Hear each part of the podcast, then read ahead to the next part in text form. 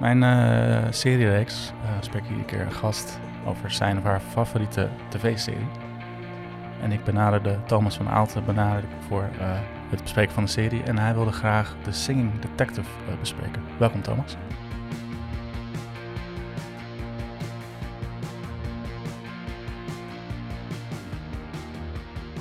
Dankjewel. Maar eigenlijk wilde ik Temptation Island. Eigenlijk wilde je Temptation Island. Maar toen zei je, ja, dat, oké, heb ik zelf nog nooit uh, gezien. En we dachten misschien ook eens dat het een, te veel een stijlbreuk, of niet? Uh, dat vond ik dus juist, juist weer heel erg leuk. Maar ik weiger gewoon uit principe om dat te gaan kijken. Dus dan ja. was ik voor het eerst dan niet En waarom, waarom eigenlijk? Ja, daar voel ik me dan te goed voor. Oké, okay, omdat je het een soort vieren Kijk, van de je domheid gaat gelijk, Je gaat gelijk mij interviewen, vind ik ook leuk. Nee, maar is dat dan omdat, omdat je uh, bang bent dat het, dat het de zonde is van je tijd? Uh, daar moet ik dan iets te veel moeite voor doen om uh, dat te gaan kijken. En ja. daar, daar is al de blokkade. Als ik gewoon uh, weet veel ja. YouTube kan aanzwengelen en het staat erop, dan kan ik het ook kijken. Maar... Ja, nee, maar ik heb... Um... Kijk, we gaan nu gewoon over Temptation ja, Island nee, hebben. Ook. Ja, ja, nee, ik, dat wil ik dan nog even vertellen. En daarna gaan we het gewoon hebben over High Art. High art. Ik heb echt een, echt een verschrikkelijke weerzin altijd gevoeld tegenover het hele concept. Ik dacht namelijk, uh, ja, waarom, waarom moet ik zien hoe de domheid gevierd wordt? Dus ik dacht dat het een verlengde zou zijn van, uh, nou ja, de, weet ik veel, zon, zonzuipen en, en, en vakantie of zo. Ja. Maar het knappe is van het programma, door een aantal uh, kunstgrepen, heeft het wel degelijk ook alle elementen van een fictieserie. Dus karakterontwikkeling, cliffhangers, uh, een, een, narratief, die voice-over die ook heel sturend is. En op de een of andere manier ga je dus, weet je, dan zie je zo'n opgepompte uh, fitness guy die uh, onder de tatoeages, die je normaal nooit als, weet je, je zou hem, zou hem niet eens zien staan als je op straat zou lopen als, als volwaardig mens. Ja. En ineens denk je van ja, Fabrizio ik snap hem. Hij zit in mijn tribe. En, dus nou ja, je, dat komt, je komt dichter, dichter bij nou, de mensen. Nou, wat er dan gebeurt, je, kan ik je vertellen, je is dat je Temptation Island, ja. is dat het een soort, soort amorfe universum. En zeker als je heel veel blijft kijken in een soort, soort universum van waar het altijd heet is, want het is altijd in Thailand of uh, in de Amerikaanse versie volgens mij op Hawaii opgenomen. Villa's, stringbikinis het wordt echt een soort dystopische science fiction serie uh, uiteindelijk. Mm -hmm. um, maar je, uh, de, ja. de, de, de, persoonlijke ontwikkelingen spreek je dan heel erg daarin aan? Nou, het is natuurlijk gewoon te gek dat jij denkt, maar waarom doe je mee met zo'n programma? Want je weet toch, weet je, waarom überhaupt wil je de hele tijd gefilmd worden terwijl je. Uh, dus ik ben heel erg gefascineerd door de selectie van zo'n, van zo'n programma. Want dat moeten dus mensen zijn die allebei op de een of andere manier een lichaam hebben dat, dat voor de camera werkt. Dus ik, als ik daar rond zou lopen, nou ja, sowieso. Niemand met, uh, met kinderen die zit daar natuurlijk in die show. Want anders dan, uh, dan heb je voorgoed natuurlijk je testament vergooid. Dus het is de screening daarvan. En je moet dus mensen hebben die niet per se doen om op tv te komen, maar die echt hun relatie willen testen. Nou. Uh, ja, jij ja. gelooft dat? Ja, dat moet dus. Maar of dat ook de, de waarheid is. Nee, natuurlijk zitten er gewoon ijdele vloggers tussen. Ja, en uh, ja. ja. Ja, dat, en dat vind ik juist uh, mooi. Vooral als het nu ook nog weer vermengd wordt met een soort zelfhulp, mindfulness, idioterie. Nou, het, het, laatste seizoen was dan in Italië opgenomen genomen, en heet nu ook Love or Leave. Um, en dat, nu is het niet meer van ja, dat de, de, uh, de singles op het, op het eiland als een soort predatoren uh, worden losgelaten op de koppels, maar dat zij, die zijn ook op zoek naar liefde. En je gaat de liefde ook misschien wel vinden bij die, uh, bij die beschikbare singles. Dus ineens krijg je ook een soort die, die mensen die het presenteren, Kai Gorgels en Monica Geuze, zeggen nu ook. En helpen deze beelden ook om je antwoorden te vinden op de vragen die je hebt. En het is allemaal onderdeel van jullie, van je reis. Dus er ontstaat ook een soort rare mindfulness, yoga, guru, newspeak, bullshit. Ja, en, dat, jij smelt dat, ervan. Ja, en ik zit ook heel veel te brullen naar de tv van hoe bestaat dit? Hoe, nou ja, uh, afijn. Dus Nee, vandaar maar, mijn maar wacht, voorstel. Dit, hoe, hoezo verbaas je dit? Nee, het verbaast me niet. Sinds, uh, sinds we Big Brother... Ja, uh, verbaast... we zijn al een tijdje onderweg hè, met deze ongein. Ja, uh, laat ik het zo zeggen. Ik ben waarschijnlijk een, een tegenovergestelde van een early adapter. Ineens ontdek Ah. ik zeg maar de... De aantrekkingskracht van dit format. Ja, want ik wist wel, er zijn echt legio scripties over geschreven... van waarom ook de aantrekkingskracht voor, voor kijkers. Ja. En dus ook voor mensen die eigenlijk uh, misschien niet primair bij de doelgroep van, horen. En waarom kijken hoger opgeleiden, as, as far uh, as it goes, daar, uh, daarnaar? Nou ja, dus vandaar dat ik dacht, daar, daar valt zeker wat over te vertellen. Maar ik dacht ook van ja, ik kan jou. Er zijn waarschijnlijk ook heel veel podcasts al over Temptation Island. Veel interessanter is het natuurlijk in jouw serie podcast over, over tv-series om, om dan niet een serie die nu um, uh, makkelijk beschikbaar is op, op Netflix of Amazon, want dan is de kans groot dat er al veel over gebabbeld is. Maar de oerserie The Singing Detective is, is voor mij vooral belangrijk omdat de, die serie. Um, ik had nog één vraag over ja? Temptation Island. Oh, Daarna okay. gaan we door naar, ja? naar waar we het over gaan hebben. Ja. Uh, ik, ik kan dus ook nooit naar voorrondes van idols kijken. Dus uh, mensen die dan oh, ja. vals zingen, daar krijg ik zoveel plaatsvervangende schaamte voor dat ik dus wegzep. Ja, zou, okay. zou ik dat bij deze serie uh, hebben bij Temptation Island? Dan weet ik of ik eraan kan beginnen of niet.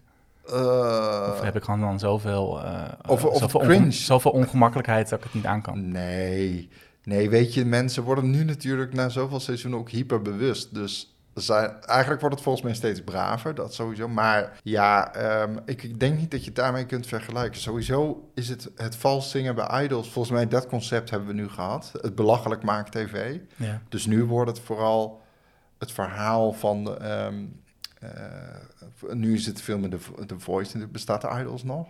Ik, uh, weet ik eigenlijk niet. Nee, nu is het voornamelijk The Voice. Ja. En dan is het, oké okay, Jury, jij bent toch kok in uh, dat en dat restaurant, maar je hebt zo'n goede, goede stem. Jij mag meedoen. En dan heb jij je golden ticket. Dus het is niet meer... Jury, wie ben je? Ja, ik ben Jury uh, en ik ga Love Me Tender van Elvis Presley doen. Dat mm -hmm. is het niet meer. Dus het is nu...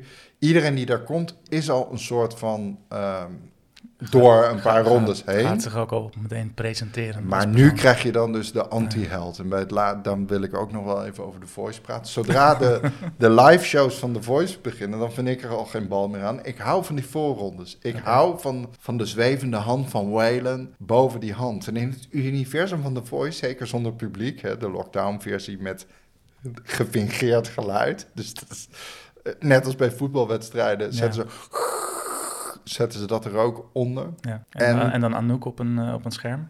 Anouk op een scherm, ja. ja dus de, het is een en al uh, uh, meta, meta, meta. En dat mensen dus serieus tegen een scherm zeggen... oh, thank you, ja, Anouk. En dan met, ik, ik doe nu even het bidgebaar naar Anouk toe.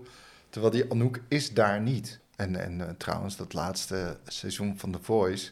Wat heel erg pijnlijk was, er was nu een soort gozer, die kwam uit de Achterhoek. De heel social media zouden overgevallen zijn. Ik weet zijn naam, volgens mij heette die Jasper of zo. Hij was een, een ambachtsman, uh, weet ik veel, en verkocht die brillen, opticiens. En hij zong zo vals als een kraai, maar mensen vinden dat dus sympathiek. Dus mm. die gaan hem dan door laten gaan. Iemand met een knappe stem. Die, hij was real nog. Hij was real, hij was ja. Ah, Ja, ja. En hij zat in het team van Jan Smit, die op den duur natuurlijk ook dacht: ja, daar gaan we weer. Dan komt hij weer met mm -hmm. uh, een, een, totaal on, onthanden en, en zijn tekst kwijt. Um, maar wat ik zo mooi vind, is iedereen die. die in, in, we spreken af voordat we het programma kijken: ja, dit, het is geen jury, het zijn coaches. Dus mm -hmm. ze zeggen niet: je zingt mooi. Nee, ik ga jou coachen zodat je mooier gaat zingen. Waylon, zodra hij de landsgrenzen hier passeert... ik denk niet dat veel mensen weten wie, wie Waylon is... maar als hij daar zit, is hij de king. En dan houdt hij zijn zonnebril het, het, op. Het Songfestival natuurlijk wel. Ja, oké, okay, maar dan houdt hij zijn zonnebril op... en hij heeft ook ja. steeds uitbundige, uh, soort, soort rare... ja, wat, een soort Peruaanse kleden. Zegt, nee, wat jij nou doet... en dan gaat hij die kandidaat drillen om anders te zijn. En het moet vanuit hier komen... Terwijl Ali, die zit veel meer op de... Um, die heeft denk ik heel veel neurolinguistisch programmeren... coachingsachtige sessies gezien. Die gaat... Kijk, wat ik bij jou zie...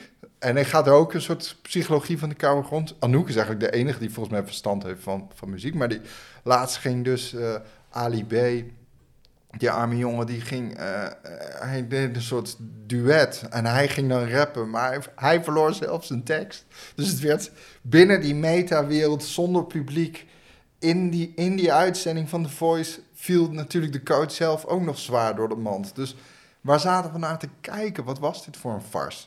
Afijn, dus... Uh, maar jij, gaat, jij zit gewoon dan elke vrijdagavond, zit je dit wel te kijken? Uh, Ga je dan echt voor de tv zitten? Of?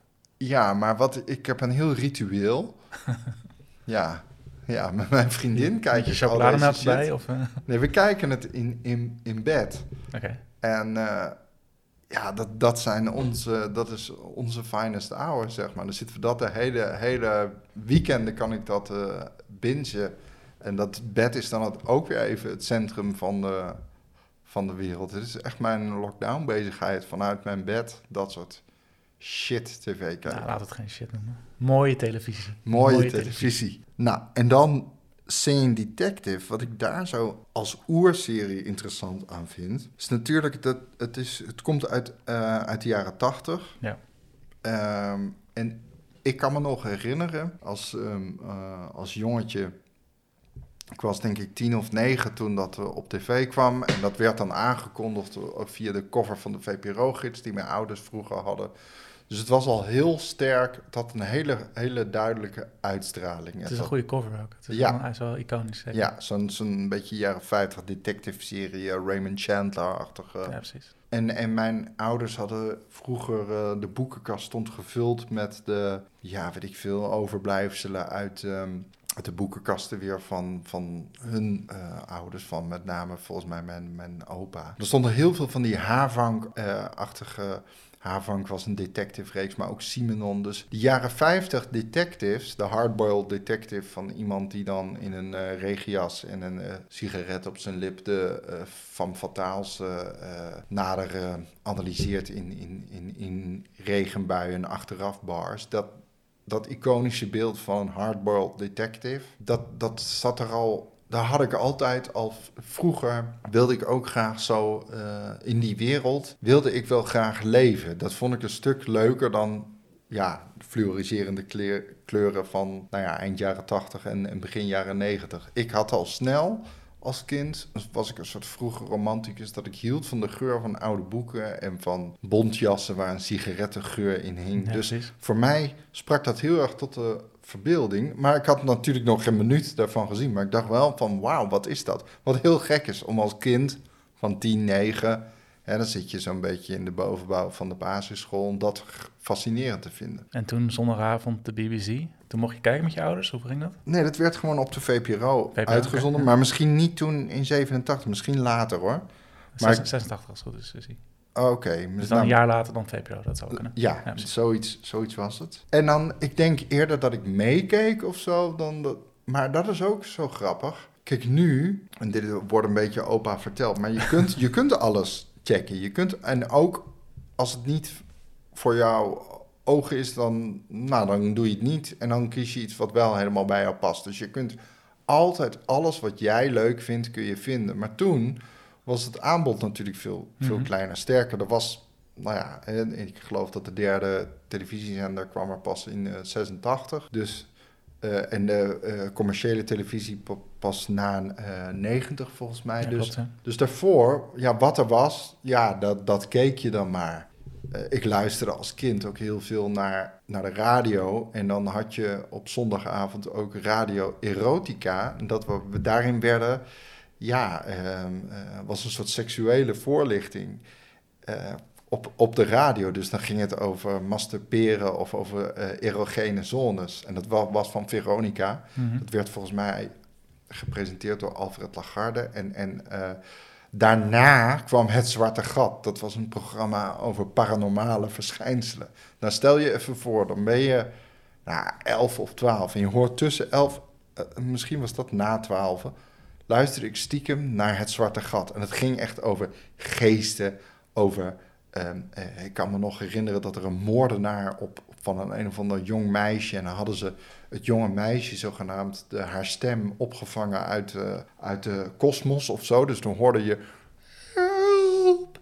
En dan hadden ze de moordenaar zogenaamd getraceerd. En dat hele team van, van het Zwarte Gat ging die moordenaar tracen. Dus die hadden een pop in de tuin gezet van die zogenaamde moordenaar. En ik hoorde dit en ik vond het fucking eng. Want dat was er ook niet voor mijn oren bestemd. Maar ja, er was niks veel. Er was niet een een of andere podcast of er was niet... Uh, ja, s ochtends had je wel die Code Boswachtershow. Maar dat is wel het verschil, denk ik, dat je als kind toen veel meer moest meevaren op wat volwassenen aanboden. Uh, wat volwassen. Ik wou als kind gewoon Sherlock Holmes worden. Want ja, dat was een, een, een, een iconische figuur. Maar geen Young Sherlock of geen.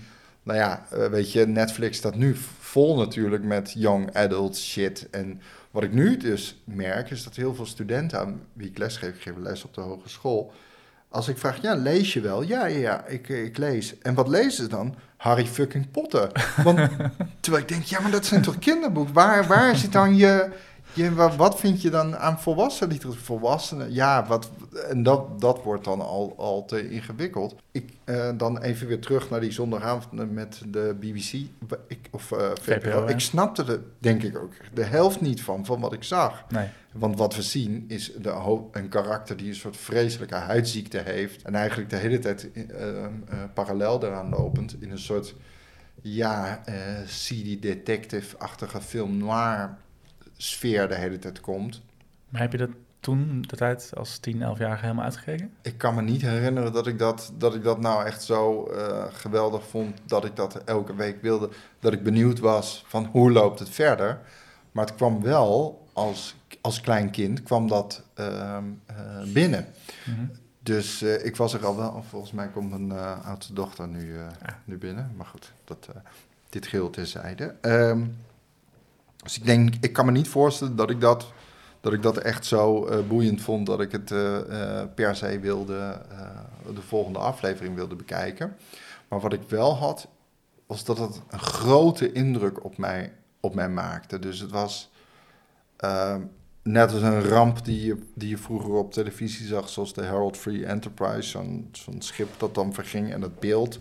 Dat je dan helikopterbeelden van, van zo'n gekapseisd schip dat had ik ook met de Singing Detective. Dat is ram, altijd, ramtoerisme was dit. Het is me altijd bijgebleven. Het beeld heeft een... Net, ja, als, net als Twin, Twin, Peaks later ook. Dat heb ik ook, denk ik, als klein jongetje...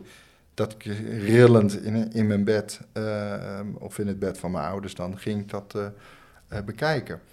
Um, maar later is dat gewoon nog vaker uitgezonden. Mm -hmm. Dus heb ik het ook wel in mijn, in mijn tienertijd je noemt het een oerserie. Hoe, ja. Hoe, hoe, hoe, verklaar dat eens? Nou, dat zal ik je vertellen. Omdat het um, een, een oerserie is voor mij. Omdat het daar is eigenlijk de verbeelding, denk ik, voor mij begonnen. Dat, het is heel, heel theatraal. En een, uh, ik noem het een oerserie, omdat het eigenlijk op zijn manier al knipoogde naar...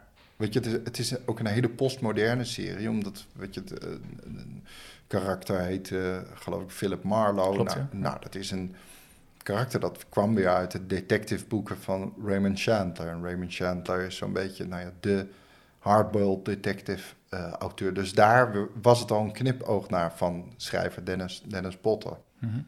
Er zit, wordt heel erg gespeeld ook met, met een soort musical uh, elementen. Je ziet eigenlijk um, iets terug wat je nu ook in het werk van Ryan Murphy ziet die, die, uh, die Ratchet-serie heeft gemaakt. En, en ook de, de Politician, Nip Tuck. Je ziet heel veel voorboden van wat nu dan eigenlijk uh, nou ja, gewoon heel kijkbare series zijn. Dat, daar, daar is al een soort zaadje gelegd. En voor mij is het ook een oerserie, omdat het een soort ode is aan de verbeelding. Ik denk dat je er nu, uh, nu zou een, zou een, een van de Amerikaanse scriptwriter writer al snel zeggen van ja, oké, okay, maar wat is nou de gospel storyline van de Detective? Ja, ze hebben ze hebben met uh, Robert Downey Jr. hebben ze hem verfilmd ook, ja, rond 2003. Ja, ja. Dat zou ik afraden. Ja, ik heb hem, ik, die heb ik inderdaad ook gezien. Maar even, want waar, waar wat, wat de Sing Detective in het kort, wat gebeurt er? Waar kijken we naar? Zes keer een uur lang? Ja, zes keer een uur lang kijken we eigenlijk gewoon naar een, een, een soort wanhopige patiënt in een uh, zieke, op, op een ziekenzaal met ook allemaal uh, mensen om hem heen. Die Gespeel, heeft een, gespeeld door Michael Gambon. Precies. Om even terug te koppelen is, naar Harry Potter, je lievelingsserie. Ja, ja, want hij is weer Perkamentus of zo. Ja, hij neemt dat over van ja, Richard van Harris. Richard Harris. Ja. ja. En hij heeft een hele ernstige huidaandoening, een soort, soort psoriasis uh, vulgaris. Ik weet niet of die ziekte bestaat, maar in elk geval, je ziet klinkt, zijn... Klinkt in ieder geval mooi. Ja, zijn huid broeit. Zijn, uh, hij um, is er behoorlijk heftig aan toe. En of het dan door de medicatie of door zijn fantasie komt, hij, hij bedenkt een, um, ja, een soort universum waar hij steeds naar, naar terug gaat. Waarin een, uh, een, eigenlijk parallel daaraan een soort detective zich afspeelt. Maar hij is, hij is ook echt detective romanschrijver, toch? Philip Marlowe. De, of is dat misschien niet helemaal duidelijk in de serie? Um, ik denk het wel, jawel. Ja, ja toch? dat ja. is zo. Dus hij creëert daar zijn eigen universum. Ja. En af en toe is, vindt er een uitwisseling plaats tussen die droomsequentie en um, de, de echte wereld. Dus, ja. uh, en, en in de echte wereld, de artsen die, nou ja, die gaan uh, op een gegeven moment uh, barsten ze uit in een of andere uh, ja, bijna een soort vaudeville-achtige act, waarin ze met z'n allen een soort ballet-act doen. Dus dan, dan uh, het interfereert voor. Het wordt soms af en toe een beetje een musical, ja. Ja, ja. ja. Dat is het. Dat is het. Dat is het. En het is dus niet, niet ik, heb, ik heb het recent weer uh, aan, zitten, aan zitten kijken. Het is niet te vergelijken met welke andere serie dan ook. Omdat het is nou niet zo dat het karakter van... Weet je, de, um, uh, de voice-over van het, van het karakter... dat de hele tijd ook een verhaal vertelt. Um, er, er zitten gewoon technieken in die, die je nu zou, zou afraden. Er is geen... ja, de, je komt wel wat te weten trouwens ook over, over zijn jeugd. Ja. Jeugdjaren ook wel. Maar het is voornamelijk sfeer. -hmm. En dat wordt natuurlijk wel uh, vaak onderschat in een, uh, in serie. Weet je, het is eigenlijk een en al ook uh, esthetiek. De muziek is heel erg heel belangrijk ook. De, weet je, het, het, het, het, is een totaalpakket. Dus je kunt wel zeggen, de Singing Detective is een oerserie. Maar het is nou niet zo, zozeer dat die dat ik nou zeg van, oh ja, die en die serie en die en die aflevering, ja, dat, dat is goud. Weet je, het is niet te vergelijken met Breaking Bad. Maar het hele concept, dus de, de, weet je, de, de, de, de uitstraling van de serie. Iedereen weet, tenminste iedereen geboren voor 1980, wat de Singing Detective uh, is. Iedereen die een beetje van, van, van film of series houdt. Dat komt gewoon omdat dat ook na al die jaren nog steeds overeind is, is blijven, blijven staan. Dus ik vergelijk het met, um, weet je, sommige, sommige bands, die zijn gewoon zo verschrikkelijk goed. Maar als je nou vraagt van, ja, maar wat is nou hun beste album? Ja, ja dat is er eigenlijk niet echt. Maar de band als geheel is goed. Dus ze zagen er goed uit. De, sommige liedjes behoren tot de beste van de wereld. Maar uh, je kunt niet zeggen dat er nou één, weet je, uh, als je nou vergelijking maakt met David Bowie. Je, iedereen weet wie David Bowie is. Maar wat is nou zijn oer, zijn echt zijn beste album? Zou je dan Ziggy Stardust zeggen? Ik wel, maar... Ik vind dat helemaal. Ik vind, ik vind een live album van hem, van Stage, vind ik dus van hem het best. Maar daarin komt alles samen. Dus dan is de performance komt erin. Zijn muzikanten zijn rare teksten. De sfeer. Um, en dat is eigenlijk ook met de Sing Detective. Daarom is het voor mij een oerserie. Omdat het een optelsom is van, van heel, veel, um, uh, heel veel dingen. Maar... Um, vraag je aan mij, uh, ja, hoe zit het in uh, aflevering 5? Uh... Niet zozeer belangrijk, maar we kunnen een beetje deconstructen. Om te beginnen Philip Marlowe, de Mhm. hoofdpersoon. Ja. Hoe zou je hem omschrijven? Los van zijn aandoening, dat hij helemaal er niet uitziet en dat hij, zijn huid valt er bijna af. Ja, ik denk een hele een, een, een bange, misschien ook wel een conservatieve man die het vooral moet hebben van zijn, van zijn fantasie. Dus hij durft eigenlijk in zijn, in zijn boek of in zijn, in zijn fantasie durft hij meer dan dat hij zelf durft. Nou ja, in het echt is hij ook wel redelijk vulgair. Geen filter. Hij is heel erg bot, een beetje het Dr. House uh, archetype. Uh, hij, uh, ja, maar het is... Hij vloekt en hij tiert. En ik denk, ik denk dat het in de jaren tachtig schokkend was. Het is natuurlijk nu inmiddels minder schokkend wat hij allemaal zegt. Maar... Ja, maar ik vind hem ook wel heel het, uh, conservatief juist. Ik vind hem heel erg... Hij, hij durft dat allemaal te doen vanuit, een, uh, ja, vanuit dat, die rol van, van mopperaar. Ik denk niet... Hij, hij is in die zin niet, niet gelaagd of... of ik, ik vind hem vooral heel erg angstig. Angstig. Ja. ja. Nou, hij zit ook wel in een, in een situatie die uh, niemand toewenst. Nee, nee, er zit op een gegeven moment in uh, een van de eerste afleveringen wordt hij ook door een, uh, een, een medepatiënt eigenlijk overvallen. Eigenlijk, die, die, die klimt ineens op hem of zo, dan wordt hij bijna half, half gesmoord. En alle mensen om hem heen die zijn er heel erg hard aan het lachen, dus de andere patiënten. En dan is er een soort zuster een, een, of een nacht nachtbewaker, nachtverpleegster. En die komt dus kijken wat er aan de hand is en die schijnt die zaklamp erop. En die moet er eigenlijk ook wel heel erg mee lachen. Mhm. Ja, dat is natuurlijk ook wel heel, heel beangstigend. Dus dat je een, een, de wereld om je heen voortdurend wantrouwt. Degene die je zou moeten helpen, helpt je niet. Ja, ja daar word je ook een heel angstig uh, mens van. De personages rondom hem in, in de ziekenhuiszaal, viel daar nog wat op? Um, Bijvoorbeeld de klager die altijd eh, als laatste thee krijgt, waardoor de theekoud is, die wordt rondgebracht. Ja, ja, ja. Dus er zit ook een soort uh, India's of uh, Ali. Een Pakistan. Een Pakistan, mijn, mijn, mijn excuses. En die, is, ja, die heeft, is natuurlijk ook wel weer een soort karikatuur. Dat, ja. dat zou, zou nu niet meer kunnen, denk ik. Maar. Ja, dat weet ik niet. Of dat gecanceld zou worden. Maar ook wel weer... Um, het, uh, het bed rechts van hem, uh, daar overleven ze het niet vaak. Volgens mij per aflevering uh, legt daar, leggen ze daar het loodje. Dan ligt hij er weer naast. Ja, en, zal hij de volgende zijn? Ja, dat is dat hele... Het idee van een sanatorium, van een ziekenzaal. Wie gaat er beter weg en wie, wie gaat er ten, ten onder? Dus hij, hij bevindt zich voortdurend in een vacuüm. En daarom vind ik het ook een een oerserie, want niemand zit, ligt voor zijn lol natuurlijk op een ziekenzaal. Waarom zou je dan wel voor je lol een, een uh, film kijken over een ziekenzaal? He, One Flew Over the Cuckoo's Nest heeft in, zekere zin alle series die zich afspelen in een hospitaal of, of een, een gevangenis misschien ook wel. Mm Waarom zou je dat, dat doen? Wachtruimtes. Um, dan, moet je, nou, dan moet je wel met goede personages komen. Ja, maar je, er is dus ook altijd een... Uh, iedereen wil er weg. Ja. En, en dat is natuurlijk een geweldig vertrekpunt voor een serie. Van eigenlijk ben je in een ruimte waar niemand wil daar zijn. Niemand wil voor zijn lol in de wachtruimte zijn van een arts. Niemand wil voor de lol um, uh, op, op een vliegtuig wachten. Niemand. Dus binnen dat vacuüm, daar moet je een, je verhaal moet er wel van heel goede huizen komen en inderdaad je karakters moeten, moeten boeiend zijn. Dus daarom is het, is het ook een, uh, een oerserie, omdat het heel uh, ongemakkelijk is. Ja. Nou, daar, zijn de Britten meestal ook wel goed in. Ja, ja. Dat is cultureel natuurlijk. In ongemak. Ja. ja.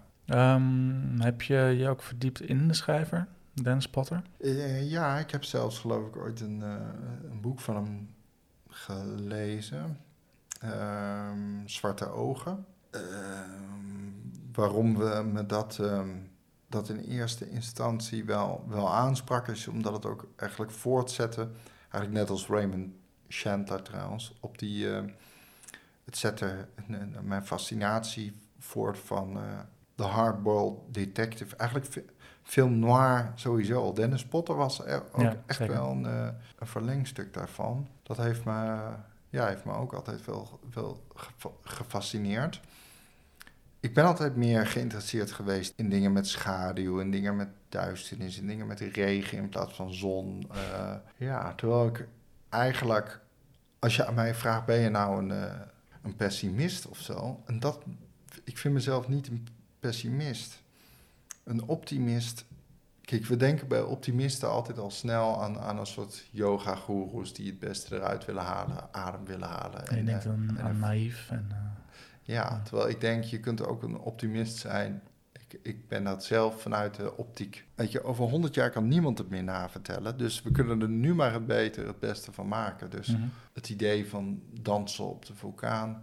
En zonder duisternis is er ook geen licht. Ik vertel ook wel kreeg laatst had ik het met studenten. Zo, ik kreeg als opdracht, moesten ze een hele persoonlijke brief schrijven aan iemand die ofwel uh, die ze verschrikkelijk haten, of die ze uh, waren verloren, of heel persoonlijk. Maar als je dat vraagt van studenten, dan moet je ook iets terugvragen. Of eh, zijn, je moet ook iets teruggeven. Dus zij mochten hele persoonlijke vragen aan mij stellen, anoniem. We moesten ze opschrijven op een papiertje. Dit was een, les die ik fysiek uh, met ze had. En dan legden ze die op mijn bureau. Nou opende ik één voor één de, de, de vragen. En een van de vragen die ertussen zat was van... ja, waar ben je nou bang voor?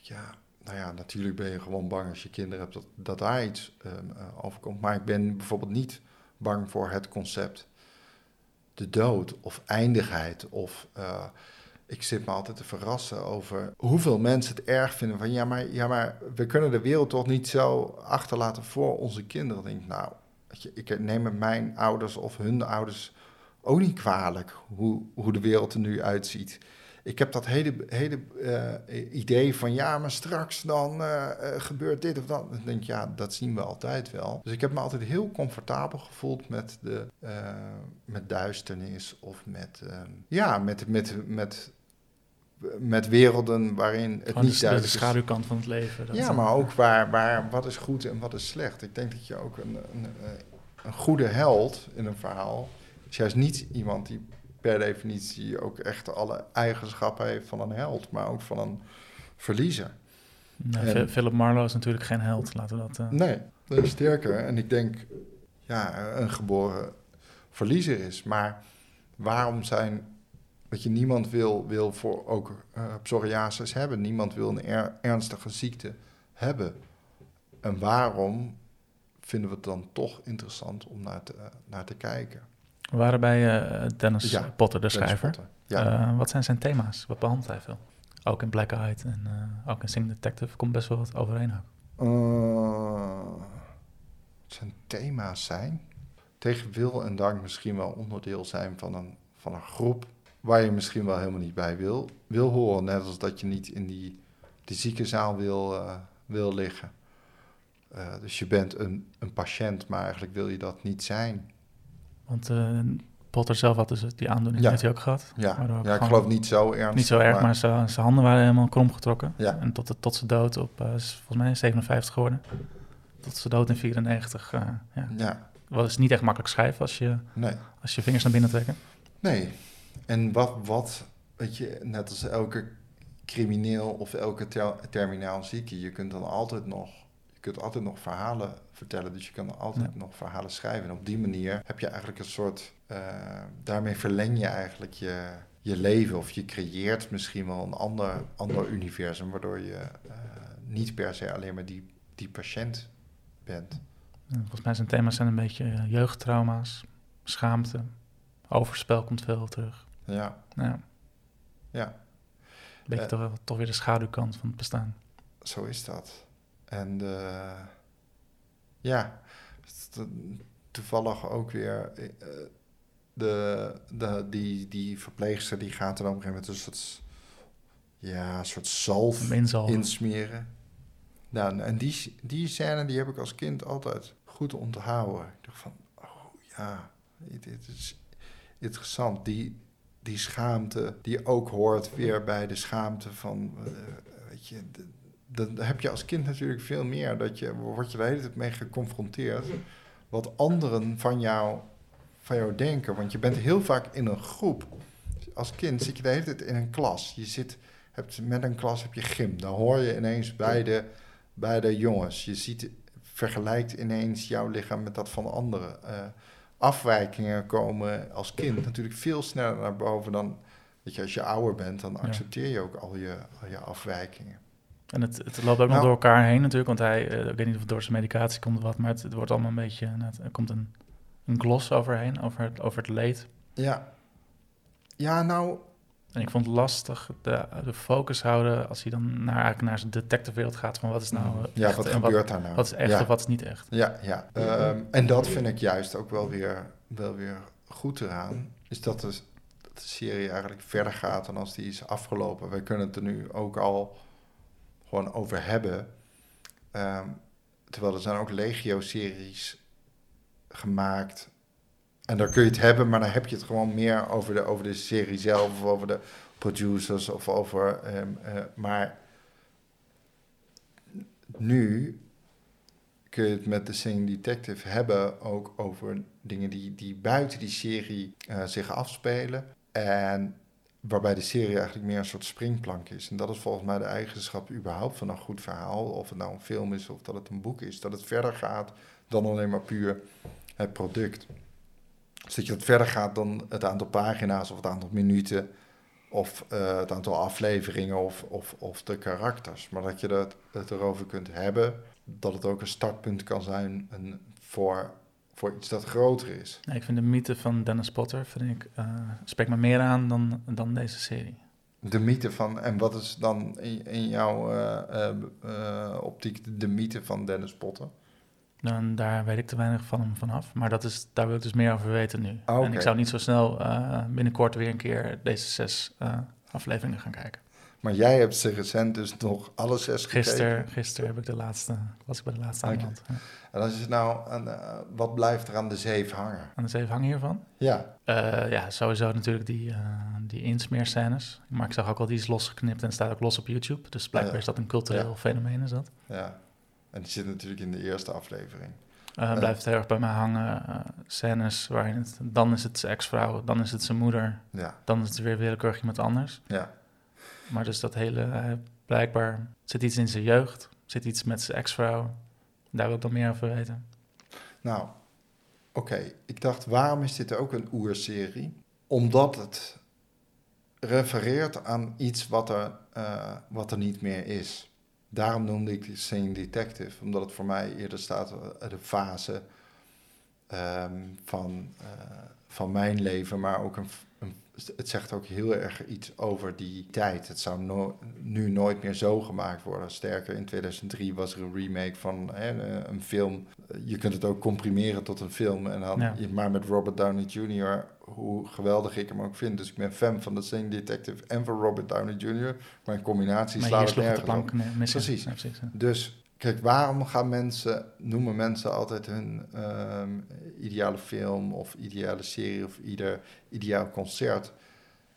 Echt niet alleen maar omdat dat, dat concert, omdat die liedjes zo gespeeld werden of omdat uh, dat verhaal zo afloopt in dat boek of in die film.